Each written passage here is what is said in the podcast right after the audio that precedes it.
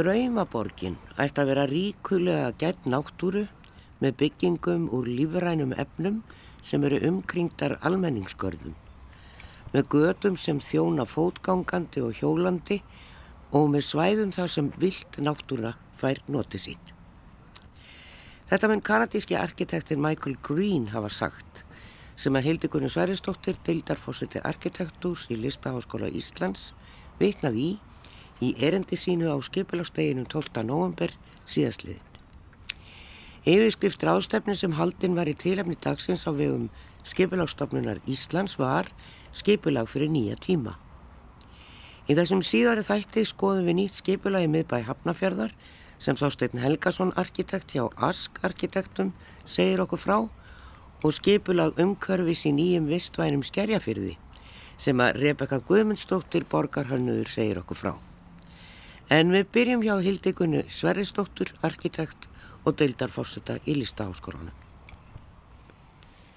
Já, 12. november eins og komið hefur fram var skipilagstagurinn og aldrei upp á 100 ára ammali skipilags á Íslandi.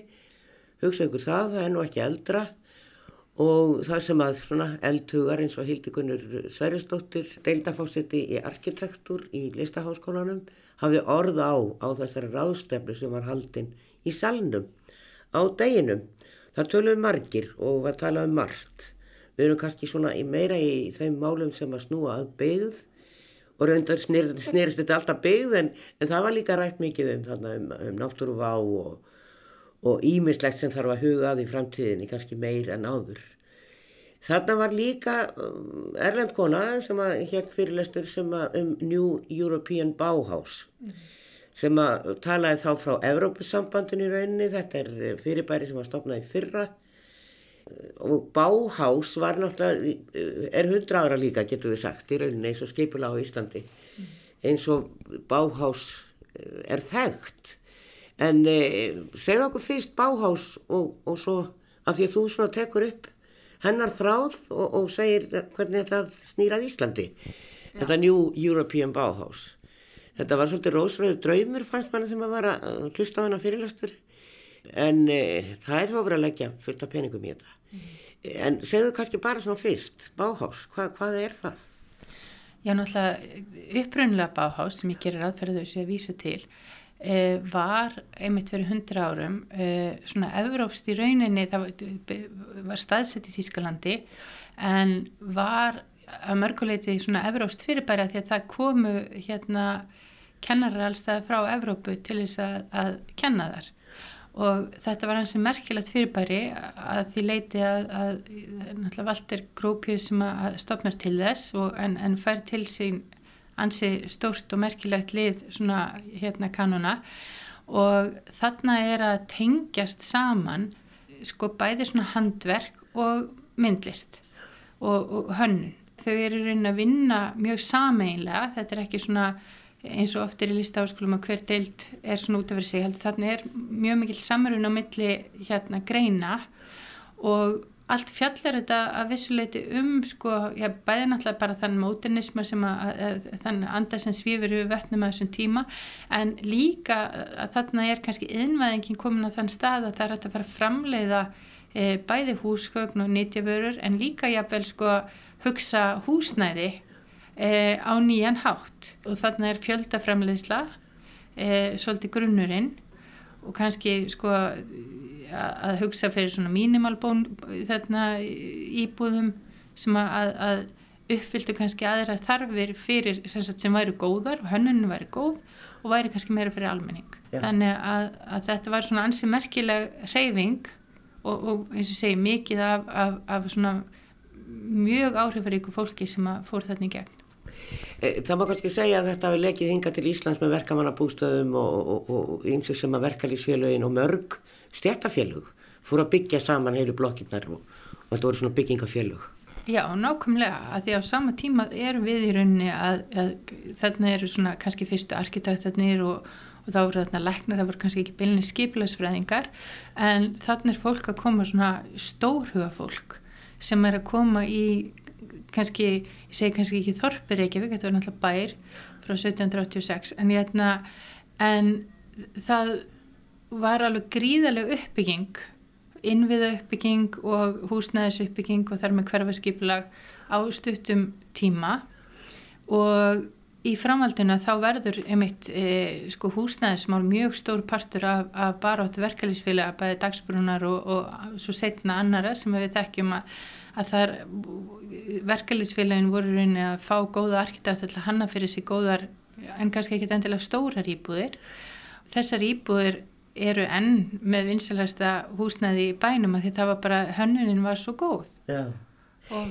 En það var kannski að segja að þarna í upphafi hafi verið að, verið að byggja því að e, það var húsnæðiskortur út um allt og Mm. það vantæði e, heilbrygt húsnæði fyrir, fyrir alla, ekki Mhm. bara fyrir þá sem að höfðu það gott. En núna er, er einhvern veginn ef maður ætlar að fara inn í báhás þá er þetta kannski meira endurnýting önnur hugsun heldur en að brjóta niður þessi gamlu hús og byggja nýtt.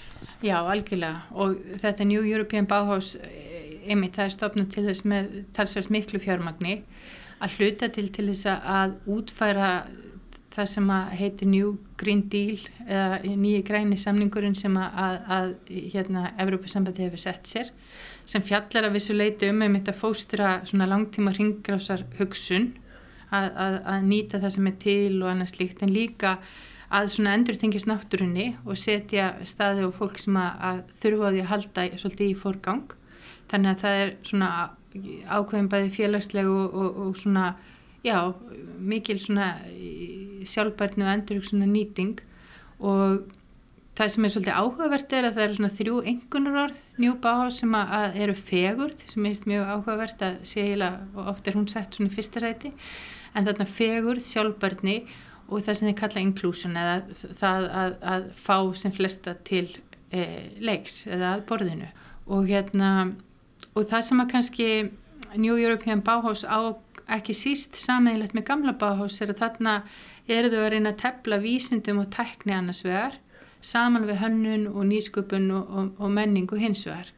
Þannig að þetta er svona tótnin í þessu er, er, er mjög réttur og, og þeirra pælingar svolítið að sapna saman eh, hugmyndum en líka sko ekki bara frá einstaklingum og, og, og svona hönnuðum eða einstakka framtæki heldur að reyna saman að kannski svona stærri verk líka styrkjaðu svolítið á, þessum vettvangi og dreifa síðan fagnæðarindunu getur maður sagt, dreifa því sem að, að finnst sem, sem víðast.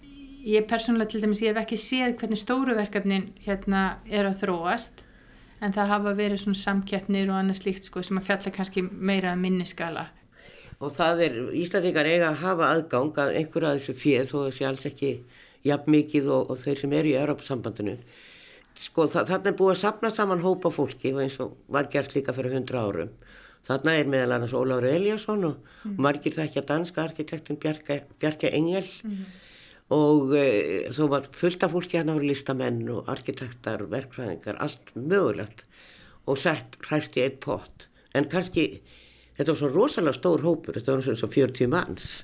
Já og sko það sem er kannski munurinn og maður er kannski svona pínurhætturum er að hérna gamla báhás er í rauninni rótækt fyrir bæri, svona bottom up. Fólk kemur saman af sameilegum áhuga og sameilegri ástriðu og svona næstuðið því að getur ekki annað. Það er, það er einhver svona kvati og, og, og sín sem að, að, að saman er þetta fólk eins og ég segi sko rótækt. E, það sem er að gerast núna er að, að stórt fyrirbæri eins og Evrópusambandi er að sapna saman, kalla eftir fólki og það er svona meira kannski top down getur við sagt sko, þú veist að, að, að þarna er, er, er stórt segjum alþjóðlegt og ég menna það eru marga þjóðu sem koma þarna fram. Fyrirbæri sem er að kalla eftir einstaklingum til að koma að. Án þess kannski að þessir einstaklingar hafi endilega fundið hvatan til þess að sapna saman. Og þá spyrir maður alltaf hvað kemur út úr því, hversu mikið er hver og einna fjárfesta bæði tíma og hugmyndum og hugssjónum í, í þetta og það er náttúrulega miklu peningar sem verður þau kannski sjálfstæður hvati í sjálfu sér sko Já. þannig að, að, að maður getur sagt að munurinn á þessum fyrirbærum er samt sem maður svolítið sá að, að, að áður varða ástriðan sem rekk fólk saman Já, já. en hér er þetta stóra fyrirbæri Evrópssambandi sem er alltaf gríðalegt bátt Já. Og eh, en það hefur nú ímestast komið frá Evrópssambandinu sem er ágætt en, en stundum finnst manni að þetta sé bara vera að búa til nýja reglur og, og, og sem á að fara eftir og fólk talar og talar og talar og það gerist ekkert. En e, við getum svo sem sagt að hér er, er þetta svona aðeins að skrýða einn þessi hugsun að nota svona að blanda hópa, við getum séð þetta bara með hönnun á nýju lögavi og skólaverðstíð mm -hmm. þar er myndlistamæður í öllum þremur hópunum, sikkur myndlistamæðurinn mm -hmm. og, og, og það eru lýsingasérfræðingar og það eru arkitektar og landslagsarkitektar þannig að, að það er svona svolítið verið að blanda og, og sjá tilgang og svona kannski opnar í hugmyndavinnu með því að blanda fólki úr ólíkum stettum. Já, það er það, er það. og jáfnveil sko sálfræðinga, umhverfið sálfræðinga og, og, og svona fólk sem hefur kannski tilengar sér svona ákveðna sínin í mannlega þáttin líka, hvernig okkur líður og hvernig hérna svona rammatnir utanum lífið okkar getur haft áhrif tilbaka. Þannig að, jú, þessi blöndun og ég held, og ég held líka þessi, þessi aðskilnaður sem að, að kannski engjandi svolítið ég bæði fræðalíf og, og líka kannski atvinnu vegina ég held að, að hann sé mikið á undanaldi og ég held að fólk sé og eins og fólk segir að, að eftir smá tíma vitum við ekkert við vitum í sjálfsvegar ekki hvaða starfstéttir verða til í framtíðinni. Þannig að en, en nokkuð víst að, að það verða ekki svona hér er læknir og hér er lögfræðingur og hér er hérna prestur eins og var í gamla daga heldur fólk er að menta sig líka til þess að geta grepið á milli sviða en það sem að kannski við búum líka að er að, að sko við eigum í sjálfu sér ekkert mjög langt minni aftur í mig, þetta eru bara hundrað ár. Og þar komið mitt verkfræðingar, læknar og, og, og, og hérna e, arkitektar saman og voru kannski ekkert mikið að velta fyrir sér sko hver var í hvað, ég menna Guðmundur Hannesson er, var læknirinn, hann var einn af svona stærstu kvatamennum fyrir innviðauppbyggingu í Reykjavík þannig að við sjáum að sko með mikillir elju og ástriðu og sín þá tókst okkur að breyta hérna bæ sem að var bara með moldargötum og vassbrunum yfir í getur við sagt nútíma borg og þá spyr maður sig sko ef við ætlum okkur í, í þessu samengi bara loftslagsvár og, og, og annara svona e, aðstæðandi hluta að maður getur alveg veld fyrir sér ef, að, ef okkur verðum virkilega mál, ef við ætlum okkur virkilega að þá getur maður eiginlega ekki annað en séð að, að, að jafnir rík þjóðu verum orðið núna sem við vorum alls ekki þá geti í rauninni gert alveg gríðarlega margt til þess að breyta til betri vegar í, í þessum málum, þessum umhverfismálum kannski svona í lokin í sko, það er náttúrulega hefur verið gríðarlega uppbygging uh, og, og við erum svo kannski svona eins og frá fyrir hundra árum, það er bara byggt út um allt og það er mjög þjætt og, og sitt sínist hverjum og þetta er svona mjög sefnilega vel hefnað, við ætlum nú að líta á tvö verkefni í þættinum í Hafnafyrði, það sem er verið að svona reynsa upp í miðbænum og gera nýttar á Þorg og svo e, út í Skerjafyrði, það sem er verið að gera grænan Skerjafjörð og, og það er svo sem verið að taka svolítið skref, en eru menn Sko í öðru sem er verið að byggja þá verður þetta bara vera íslenski stílinn, það bara hanna þetta, byggja þetta, flytja inn. Ég, sko, mér finnst þetta svolítið góður punktur vegna þess að, að sko, við verðum að munna að, að e, skipilag er alltaf samningur við okkur sjálf. Við erum í rauninni að semja við okkur sjálf og pólitíkusnar okkar er að semja við okkur um það hvernig við ætlum að breyta til til til að langs tíma og ef að þau fyrirmæli sem liggja í þessum samningi er ekki nógu skýr og ekki nógu kannski framsækin þá er náttúrulega engin kvati fyrir einstaka aðila til þess að gera eitthvað framsæki. Það er þið algjörlega bara á, á kostnað viðkomandi. E, þannig að ég held að skipta alveg gríðalegu máli að, að við setjum okkur stóru markmið á stóra skalanum og eins og ég menna þjætting byggðar er náttúrulega held ég mjög mikilvægt til þess að spara innviði en við þurfum kannski ekki endilega að fara upp í 8 eða 10 hæðir við getum, getum þjættan sér vel með þreymur eða fjórum hæðum. Þannig að ég held að, svona stærri sín í skipilagsmálum væri nöðsynleg til þess að við getum farið að gera einhverju alvöru eh, ná alvöru framförum. Við eigum nokkuð verkefni, vinningsverkefni í C40 sem er nákvæmlega í þessum anda e, sjálfbært og vistvænt og allt það en e, það er ekkert byrjað að framkvæma neitt af þeim glæsilegu byggingum sem það eru og, og verkefnum. Við sjáum hvað setur. Ertu bjart sín hildi kunnur á að, að við hefum eftir að snúa við blaðinu og svona fara að huga meira að þessu?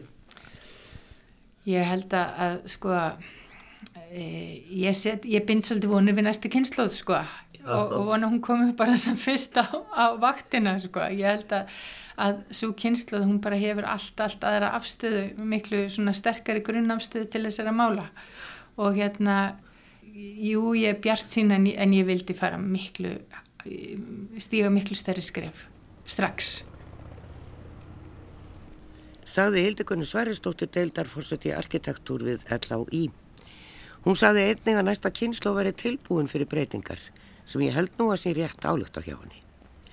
Við ætlum að líta eins á tvær tillögur sem kynntar voru á rástefnunni fyrr í mánuðinum og bregðum okkur út fyrir bæjamarkin í fyllt Þorsteins Helgasonar arkitekts.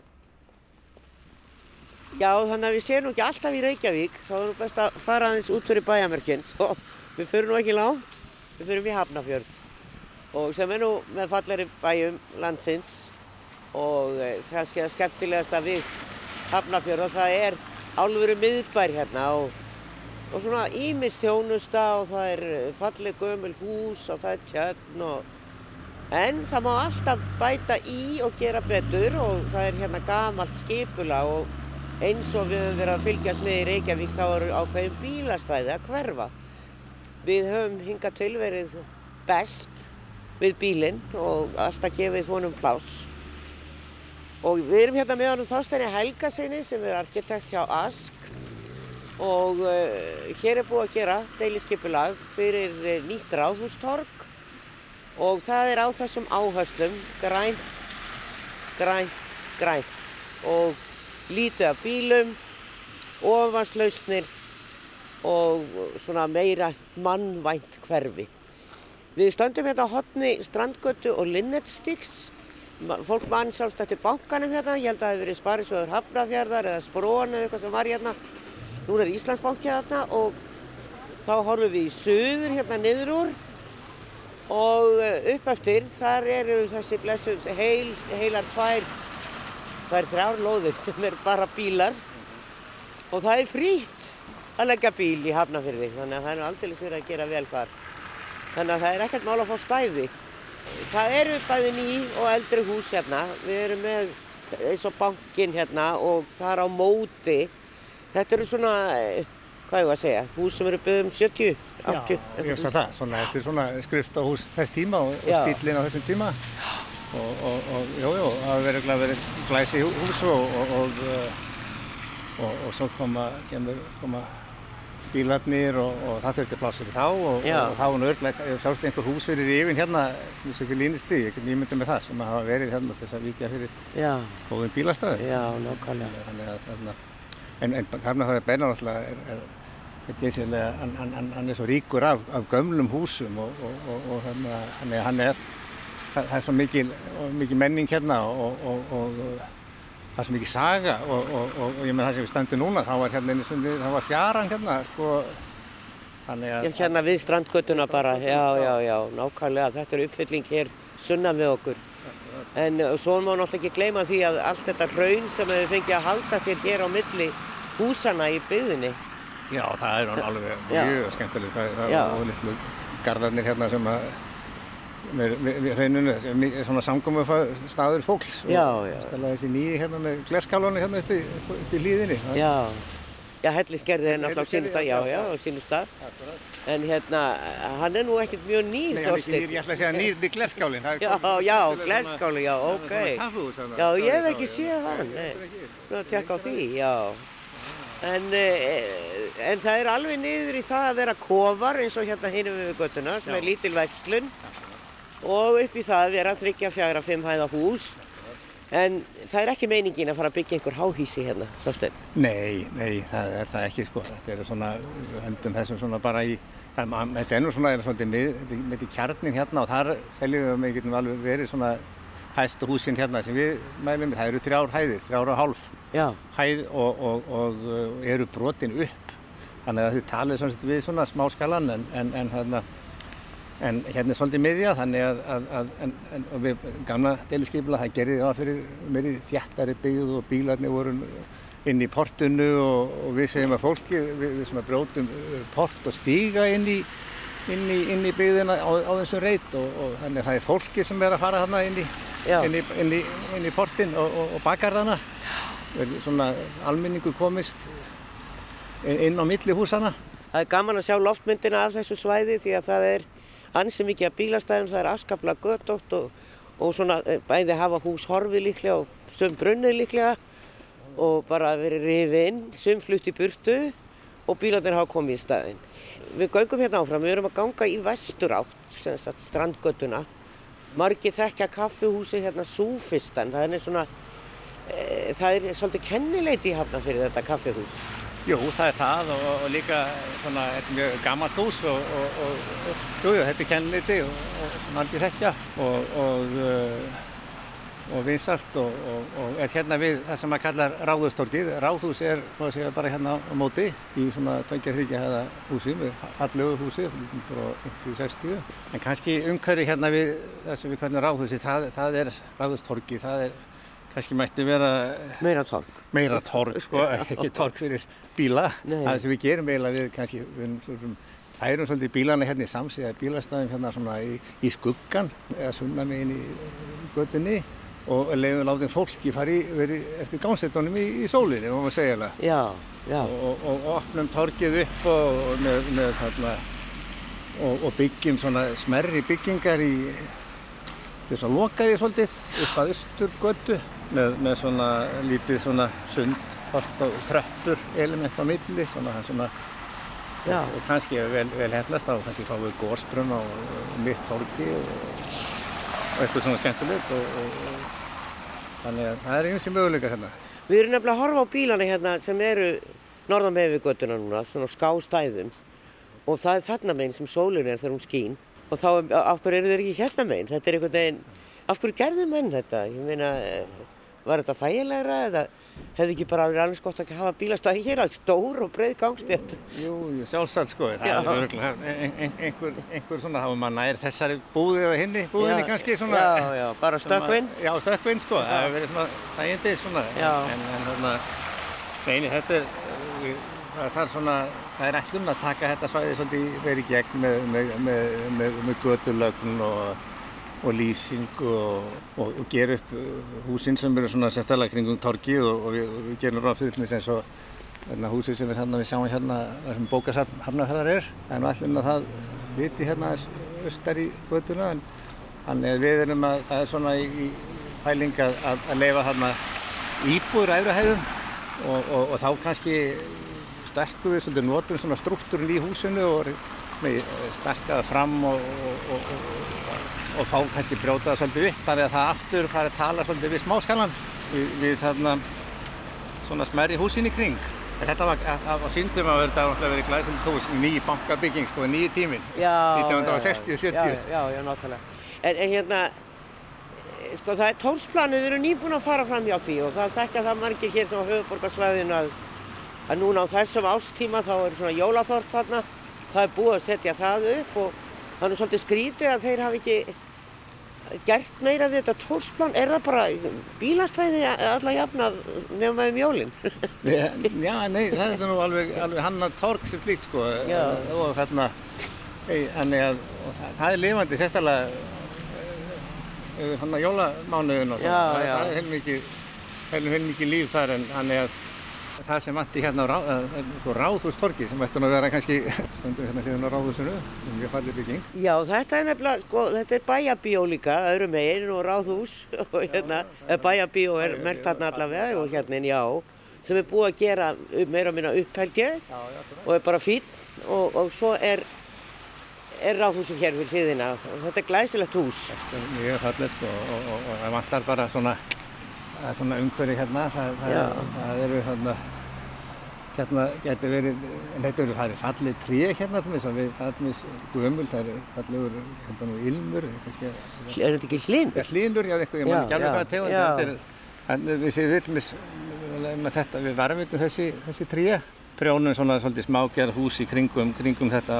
Torg. torg og svo er kannski eitt að það er kannski er að, að þarna beggubúð sem að stóð hérna var, er, er eitt elstu húsum bæjarins hún stóð hérna og eiginlega svolítið til hliðar á torginu, ekki á miðu, heldum til hliðar og hún var færð fyrir einhverjum árum hérna yfir í að byggðasafninu. Nú var alltaf hún að segja gangi aftur, eða kannski. Já, komið bara aftur á á sinn stað. stað. Já, nákvæmlega. Þannig að það verður svona, þetta er skemmtileg tengingi við söguna. Já, einmitt.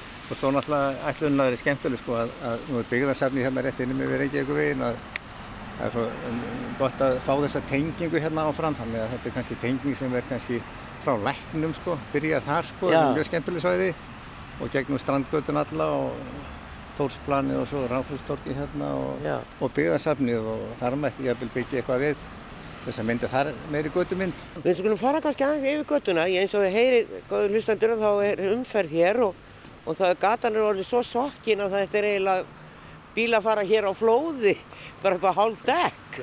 Og það er svona fótið sínum hér á laun og passa sig að vera ekki nálag. Maður sér hér svona svipað og maður hefur náttúrulega upplifað í Reykjavík og þetta er einhvern veginn landlægt að það búið að aukstinga sum húsinn og, og, og þurfti að kannski að laga það og svo eru svona viðbyggingar sé ég hérna sem að hafa komið síðar Já, já, og, og bara með flötu eða svona skáhöllu þaki, öðru sér gluggum já, já.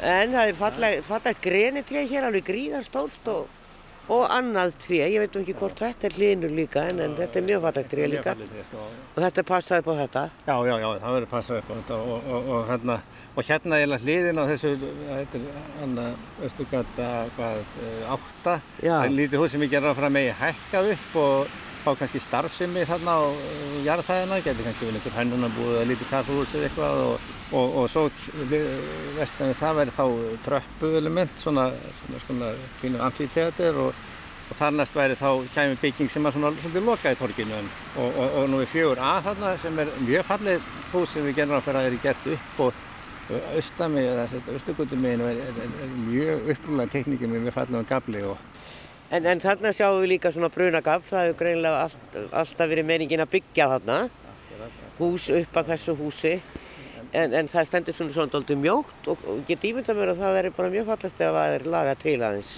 Já, það vildi að vera það sko, svo, svo hús sem er hliðin á því, það er líka svona í skalanum sem er svolítið í kring svona, en, en, en uh, virðulegt svona bæjarhús og, og hérna, þetta getur verið svolítið aftur að vinna með þessi svona stakstæðu hús svona í, randbyggðinni svona. Þannig að þetta skipulag hér sem að þið eru að gera, eða þú, það er, er e, hérna að hringtorkinu og svo er náttúrulega þekkja margir staðin hérna að Hansen sem er þarna hotnun á Reykjavíku vegi og svo stuttur aðeins lengra í blokkakverfinu er, er annar veitingastæð sem heitir Brygg sem er líka til í Reykjavík en þetta hvítahús er það líka ráðhús eða, eða hluta ráðhúsinu og því ég sé að merki Hafnarfjörðar er utan á húsinu Já, þetta er sko, þetta er bókasafn Þetta er.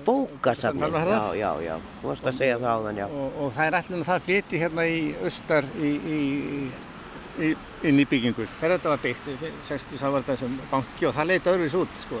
Svo klæðning tekinn og þá kom þessi klæðning og við sem erum að, að þetta er bara lifandi hús sem við notum strúkturinn og, Já. og, og, og og, og, og, og breytum þessu, það sem að meiningin að breyta þessu íbúður og stakka það eins, lengja það eins og þannig að það verði svona hluti af svolítið svona faðmunum hérna við sko, Já, við já. hérna. Að, En var ekki skemmtistæður um skiphóll í þessu húsi? Hann, hann var í þessu húsi, það var mjög góða minningar. Það ég held að verið tröppundar hinnum meginn, hann að Reykjavík meginn, að það verið röðin, byrjöðin, sko. Nákvæmlega. En það er þannig að byggingarna sem koma, þær eru hér í kringum torkið e, og þetta svona opnar gönguleið inn að byggðasafninu og að Hansen og þessum gömlu húsum hérna hinum einn. Það er sko, það er stórt hringdorf hérna sem verður svona að vera einhverju hugmyndir að sko, það við leggja það af og, og þarna kæmi uh, borgarlínan farið þarna framhjá. Ef það er svona dræðin svolítið umfyrir þá er alveg möguleiki kannski að, að, að að að byggja þarna eh, kannski einhver minni hús eitthvað þess að, að þessi strandgata hérna haldi áfram eins og hún helt áður sko. Og hefði þá byggðasafnið svona öðrum megin og kannski nýbyggingar einhverja minni á móti. Sko. Svo er svona pælingar sko í að, að halda áfram síðan að sunnan eða hinum yfir áþúsi að, að, að, að, að halda áfram með svona einhver svona randbyggð kannski, þjættað miðbæinn en, en, en það sem við gerum líka hérna með sko er að Við erum að byggja hérna þess við, við hérna við horfum í hináttina sko, Já, þá já, hérna við, við súfistan til þess að afmarka betur torgið hérna, þá svona meiri, þetta hérna er meiri, þetta er svona, svona meiri, svona gamla skalan, hann flæðir svolítið inn á torgið hérna, má segja. Og, svona, og þá myndast svona sund og port og, og, og það sem er eiginlega það sem kannski eh, okkur er svolítið gaman aðeins tilugunni, það er þessi, þessi svona bakstígar hérna. Það verða opnar, opnar almenningi sko, Já, sem að já, áður áður voru allan að vera bílastæði bakvið. Það verða, er hann með bílar kjallar undir þessu og Já, svo er hann með hann að bæja líka svona með svona miðlaði bílastæða hús eða, eða geimslur. En hér eru þessi háutrið sem að það er ekki bílastæðakjallar undir því sem við stöndum. Og það er það sem við missum þegar við erum að setja þessa bílakjallara en einhver stað verða jú bílarnir að vera. En, en það er að geta sett niður hávaksin tré sem að hjálpa okkur í rokinu að- að að veita skjól. Nákvæmlega sko, það, það er það sem að það sem að einmitt er, er munurinn á þessum sæðum eins og hérna, það sem að allir mögulegarnir eru á, á háastum trjám, það er, það er ekki kjalla, bílakjallar undir, undir þessum sæðum hérna, þannig að það er, er og, og það er svona virkar svolítið skrítið sko, ef maður horfir á loftmyndina sko, Já. þá horfir maður svolítið mikið á eiginlega 80% malbygg sko, en Já. svona þessi einstaka tríja hjálpa auganu svona að maður upplifur þetta þá grænnaða kannski heldur Já, en já. prósentan. Þetta verður skemmtilegt.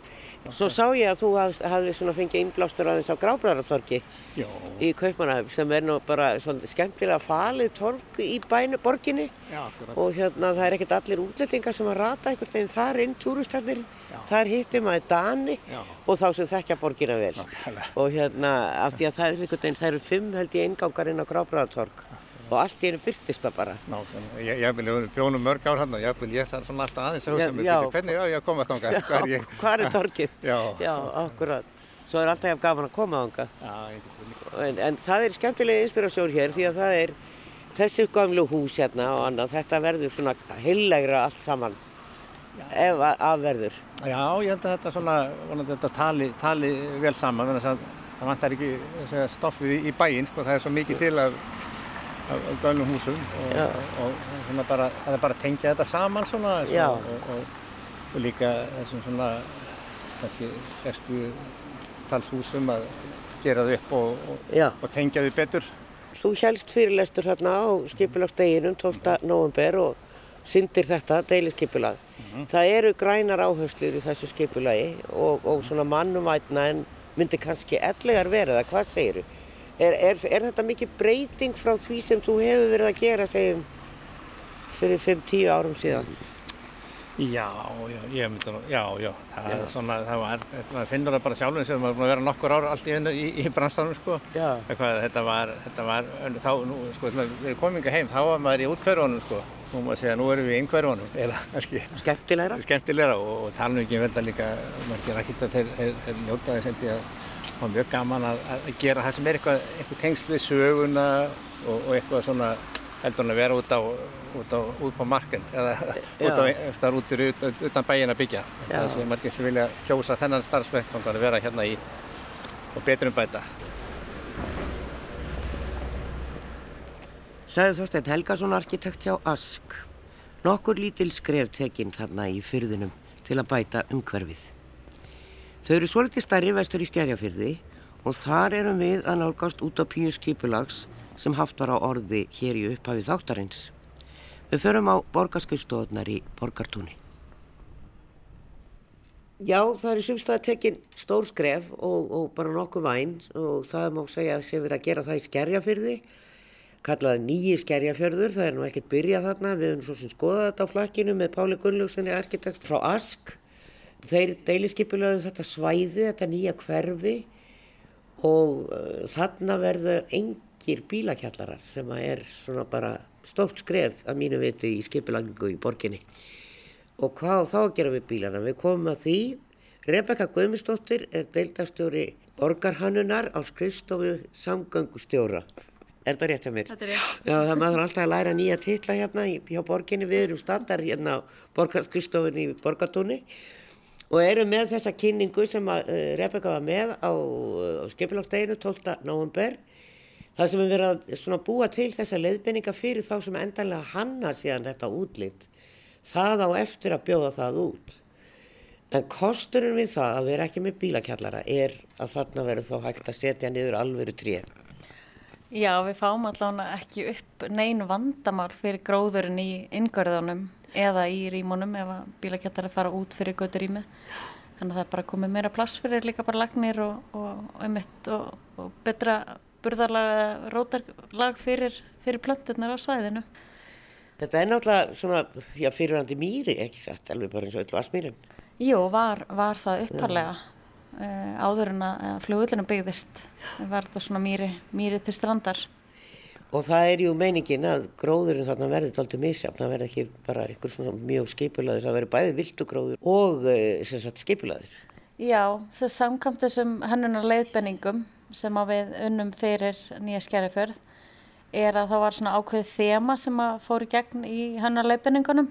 Landslægið var aðal þemað þar sem að, að við svona skiptum götur ímánum upp eftir þeim karakter sem var í gróðri á svæðinu. Eins og þetta var áður, eins og sögum áður, var þetta þakki mýri og votlundi til strandar. Svo er sjórin alltaf einhver leiti, eða svona við sjóin, svona lágróður og svona grýtt strönd. Þannig að það var svona tækifæri þarna að endur uppgötta og endur heimta enginni uppröðunar landslagsins og færa það svona inn í bara annan búninga inn í götunar, inn í gatna umhverfið Það eru engar stórar umferðar æðar þarna heldur, það er rekna með að menn keiri rólega þetta í gegn Já, það eru, þú veist, það er uh, vegurum bara sem að verður borgarlínu gata sem er bara í aðeirinnum á hverfinu og uh, sá, svo gata hún tengist brúninni þá yfir í Kársnesið í Kópavói. Svo er gatna hönnuninn, hún miðar að mjög lári bílaumferð, þess að lágum bílraða, eh, umferðarraða. Og það þarf náttúrulega að gera eitthvað á bíluna því að fólk ætlar ekkert að fara að hætta að eiga bíla en verður kannski að minga eins notkunn þeirra.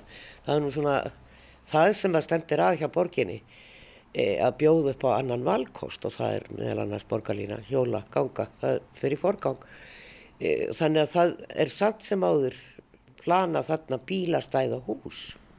Já, við náttúrulega með þessari hönnun og bara með nýja skerrifjörðum þeim áherslum sem við erum með þar, við erum að skapa kvata fyrir fólk til að lifa vistafnir lífstíl. Það er fullt af fólki sem að vill ekki eiga bíl, þá þetta kjörinn staðsending fyrir það að búa. En svo erum við náttúrulega sjálfsög með uh, verðubílakjallari uh, bara fyrir þá sem að kannski þurfa líka Bílakjallari? Nei, bílastæðahús það verður stakstætt bara bílastæðahús sem að verður svona eins og uh, þessi bílastæðahús verður að byggja út annars þar í Skandinavíu þannig að þau eru ekki bara bílastæðahús heldur eru á jarðþæð gert ráð fyrir mikilvæg þjónustu. Til dæmis verður þú stór eða gert ráð fyrir maturveslin og svo eru líka Eh, gert ráð fyrir svona grendastöð svona innandýra og einhver annar þjónustu. Þannig að þetta verður svona fjölbreytt húsnæði ekki Já. bara fyrir bíla Það má kannski setja vínbúð þetta líka þá þarf fólk ekki að fara á bílut sínum til að retta helginni.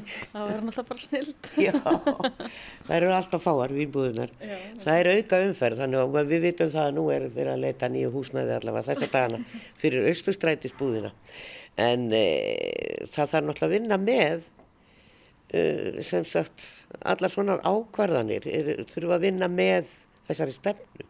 Og það er einmitt maturverslun á staðin.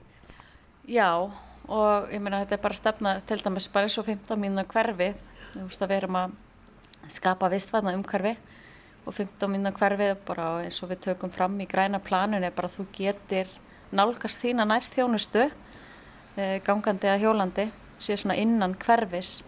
Þannig að þetta er mjög mikilvægt að svona nærð þjónust að sé e, nálagt þér. Þannig að það er bara þú, þú þyrtir alltaf þá kannski taka lengri tíma að sinna þínu grunn þörfum ef að þú væri það langt í burtu þú þurftir að taka bíli eða, eða fara með strætu þannig að þetta er bara, ég til þetta bara að vera skild okkar að, að bæta nær þjónustu inn í svona hverfum. Þetta eru 690 íbúðir. Sko er það í þessu fyrsta á, á, áfangas og veit ég að það er annar áfangi sem er á tekniborðinu en 690 íbúður er það í þessu sem að þú varst að kynna? Já, 690 íbúður er fyrri áfangin og svo tvöfaldanstann við setni áfangan þannig að þá er náttúrulega bara enn betri grunnur til dæmis fyrir alla þjónustu eða nær þjónustu Já. eftir því sem að hverfi verið að starra líka. Sko við vitum á hlýðarendi, ég man ekki, ekki hvað er margar íbúður þar, það er eitthvað álíka, það er það ekki rétt hjá mér. Og, en þarna er ekki verið að byggja háa blokkir. Nei, við erum ekki með, ég veit samt ekki alveg hva, hvernig hæðirnar eru, þetta er svo í hlýðarenda versus, þetta er kannski munar einni hæð, einni tveim hæðum svona inn á milli.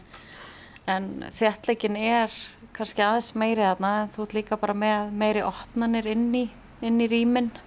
Þannig að þetta er ekki svona stórir, stórir byggingakroppar, við erum að létta á þeim, kannski fleiri götur þá líka fyrir vi- vikið og fleiri dvalasvæði. Ef við rúlar þessu aðeins eh, og fáum myndir af þessu hérna, við erum með þetta stórum skjá, eh, það eru, sagt, það er hver einasti blettur sem er utan dyr að þar er búið að leggja línurnar á að vera gróður.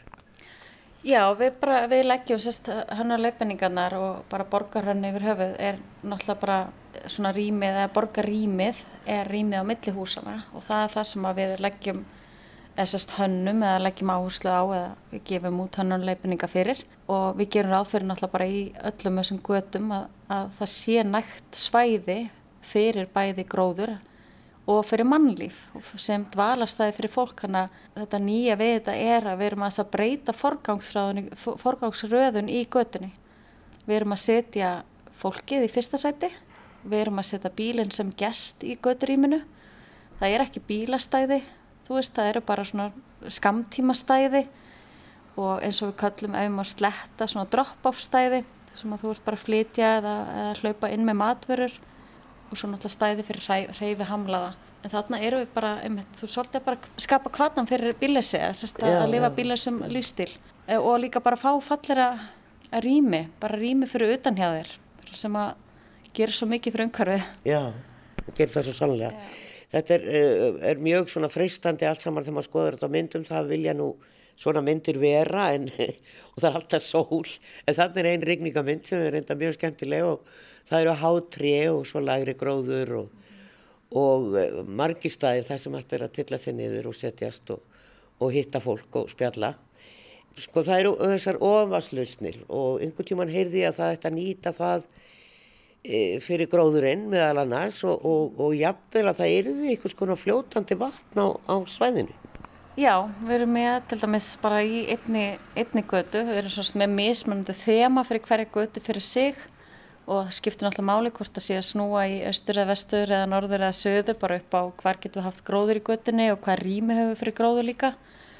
En í einni götunni þá erum við bara með aðgengilegt ofaspeð þar sem að við veitum regnvatni, til dæmis bara öllu ofavatni, bara regningunni og líka vatni af þökunum veitum því niður í þessi regnvarspeð sem að geta verið bara leiksvæði eða bara dvalasvæði, þú veist svona inn í svolítið svona náttúru, inn í náttúrunu þannig að þú getur notið þess líka, þurfur ekki að fara út fyrir bæjamörkin eða inn í stórgræn svæði. Þú fáir þetta heimtíðin líka. Og kemur til með að tengjast skólanum, það verður byggðið skólið þarna líka. Já, það verður, skóli hérna með, með leikskóla og frístund og við verðum með mjög stórt grænt svæði, sérst, stóran garð sem að tengi sig allavega í gegnum skólalóðuna og út að sjó. Þannig að við erum komið með mjög skemmtilegt svæði bara fyrir skólabar til að lifa í eða, eða dvelja í og bara nýta sem líka komið með náttúrusvæði bara til að nýta til kennslu líka. Það var talað um þarna í þessara kynningu líka upphækkaður hjólastígar. Ég verði að viðkjöna, ég skil ekki alveg hvað það er, hvað er upphækkaður hjólastígur? Þeir eru bara á sama fleti og gangstjættin, þannig að þeir eru ekki fyrir neðan gangstjætt í sömu hæð og gatan. Þeir eru bara í sama, sömu hæð og gangstígarnir og eru þá fyrir vikið kannski örugari. Það er kannski ómikið á að það eru upphækkaðar, en, en þeir eru... Þeir eru bara í sama fleti og gangstígar þannig að þeir eru á virkir ferðamáta að fá bara sér svæði og svo fær bara akvegurinn sér svæði sem er þá neðar í umhverfunu. Sko hvernig hefur þessu verið tekið svona í þegar þið hafið sínt þetta? Þetta er náttúrulega eins og ég segi, þetta er mjög, þetta er allt mjög fattett og grænt og, og, og, og láreistar byggingar og þetta er svona drauma hverfi einhvern veginn, engi bílar á hraðferð, alla göturnar og bara inn, inn með bílinn í húsið þegar þú ert búin að bera pókan inn og, og, og síðan ertu bara á röltunum þarna. Þetta er búið að veikja bara gríðarlega mikla jákvæða aðtegli. Já. Eh, ég held bara að fólk sé tilbúið að sjá breytingar, tilbúið að sjá bara okkur til dæmis, bara stíga aðeins eh, niður til jarðar og taka sterkari skref fyrir lofslæðið okkar, bara fyrir heiminn. Þannig að ég hef bara fengið mjög marga sem að koma upp að mér bara hlakkar svo til að flytja sem ég sker í förðin. Þetta er framtíðasvæði mitt, ég ætla að búa Já. ég hlakka að gefa til hvernig það er tilbúið, hvernig get ég byrjað að kaupa íbúð, þannig að Ég held hérna, ég allan að, þú veist, ég heyr ekkert heldur og er kannski ekki að leita eftir neikvæðisrötunum en, en það er ekkert neikvægt við þetta. Þetta er náttúrulega bara, við þurfum bara að, að fengum við möguleika á því í nýja skerðaferi sem bara svo geggjað. Þannig að ferlið er þannig að deiliskypulæðið er gerð, eða fyrst náttúrulega er aðalskypulæðið og, og rammaskypulæðið og allt það, síðan kemur deiliskypulæðið og e, sko leiðbenningar í, í, í gróðri og, og, og, hvernig þetta á allt sem hann líti út. Ég man ekki til þess að sé þetta oft í, í eh, þeim umfjöllunum sem ég hef nú voru að fjalla um mörg ný hverfi að þá kemur borgarhönnuður sjaldnar við sögur heldur en að sjá þarna. Já, við erum kannski svolítið ný inn í allt skiplasferlið, þetta stóra batteri, þannig að við höfum unni hennur leifinninga fyrir e, ártúnsæðan og svo núna fyrir skerriförn og nú er bara að fara að gera meira kröfu til þess að, að hérna, þetta sé lagt fram. Við viljum leggja áherslu og hafa áhrif á hvernig göttunar okkar líta út, hvernig umhverju okkar er, setja reglur um, um hæðir húsa og, og byrtustig og bæði inn í íbúður og inn í gatnarímin og inn í yngarðana. Þannig að þetta er bara sjúklega jákvæmt skref að þetta sé komið. Við náttúrulega erum bara til að ný deild líka innan, innan, já, innan uh, samgöngustjóra og bara innan, innan umhverju skiplasvið. Þannig að ég held að þetta sé bara hrikalega spennandi og gaman að fá að taka þátt í að leggja svona meiri og dýpri áherslur inn í deiluskipulæðið og ég, mér finnst þetta bara að vera faglegt. Mér finnst faglegt að skipulæði geti sendt út deiluskipulæði þar sem að við setjum niður reglur fyrir rýmin um hvernig við viljum gera þetta og þá er líka bara vanda til verka. Veist, kom, við sjálf náttúrulega bara komin með reglur um hvernig að gera þetta. Að Og við það þýðir ekkert að bjóða upp á eitthvað annað þegar þetta verður svo bóðið út. Nei, þá bara við þurfum líka að fylgja svo eftir, bara eins og deltborgarinnar og, og samgöngustjóri og við fylgjum náttúrulega, uh, förum í náttúrulega forhannanir á allum þessum götum. Þannig að við þurfum bara að standa okkar plikt og fylgja eftir hennur leifinningum. En ég minna svo sjálfsögðu þær eru ekki bindandi, þannig að sjálfsögðu verðum alltaf að gera breytingar þar sem þarf að gera, en við reynum að, að fylgja eftir öllum aðala áherslunum og megin áherslunum sem eru bara að skapa grænt og lífvænlegt og fallegt umhverfi fyrir borgarbúa því að það snýst líka um að geta sett sig svolítið í samhengi að sett sig inn í borgarýmin og upplifa að ég meina, vil ég búa en að ekki? Þú þarft svolítið að hugsa það líka og þú vilt náttúrulega ekki vera að hanna umhverfi sem að borgarbúum eftir að líða illa í. Þú vilt náttúrulega bara skapa æðislegt, þú veist, bara gegja umhverfi fyrir, fyrir þetta fólk. Þannig að þeir líði vel í borginni. Við viljum vera á heimsmælikvarða. Við viljum vera lífanleg borg Ég veit, ég ekki, sko, þau skerfyrringar voru náttúrulega mjög skeptiskir á að það væri yfirlt verið að byggja þarna, þeir hrættu við umferð. Þetta er svona þorp í borginni, svolítið skerjafjörðurinn og svolítið klipin frá út af flugvellinum sem að verður nú kannski ekkert alltaf þarna. Þannig að þá verður þetta nú bara allt saman partur af borginni í einhverju óljósar framtíð. Hefur fólk sem, af, sem þarna, býr nú þegar e, fengið einhverja kynningu á þessum hugmyndum? Eh, Ég veit ekki með uh, hannuna leiðbenningarna hvort þær hafi farið út. En það hefur bara verið náttúrulega bara kynningar á skiplastígi en það er samt bara góð hugmynd. Kannski væri bara áhugavert að, að senda út kynningabrif með, uh, með upplýsingu hvernig þetta verður. Svona breytingar eru alltaf erfiðar fyrir borgarbúa.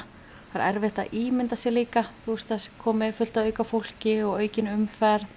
En ég held að þetta sé bara til bóta fyrir umhverfið. Þau fá skóla, fá leikskóla, þau fá þjónustu og ég meina bara meira mannlíf ætti að vera bara freka kostur bara upp á þetta félagslega þáttinn okkar bara öryggi og annað líka í umhverfinu Mér líst þetta hana mjög vel á þetta, þetta er spennandi. Er ykkur hugmynd komin um hvena mögulega verður byrjað á framkvæmdum þarna á þessu svæði? Uh, ég hef heyrt að þeir að vera að byrja þér í lók næsta árs uh, að vinna gatna umhverfið en hérna held að sé bara verið að finnstilla allt frá skipulæginu en, en ég veit allavega að það er pressa að byrja, byrja þetta verkefni. Saði Rebeka Guðmundsdóttir borgarhannuður um skerjafjörðin og þar með látum við lokið umfjöllunum ráðstöfnu um skipulag til framtíðar sem haldin var í tílefni 100 ára ammali skipulags á Íslandi. Verðið sæl að sinni.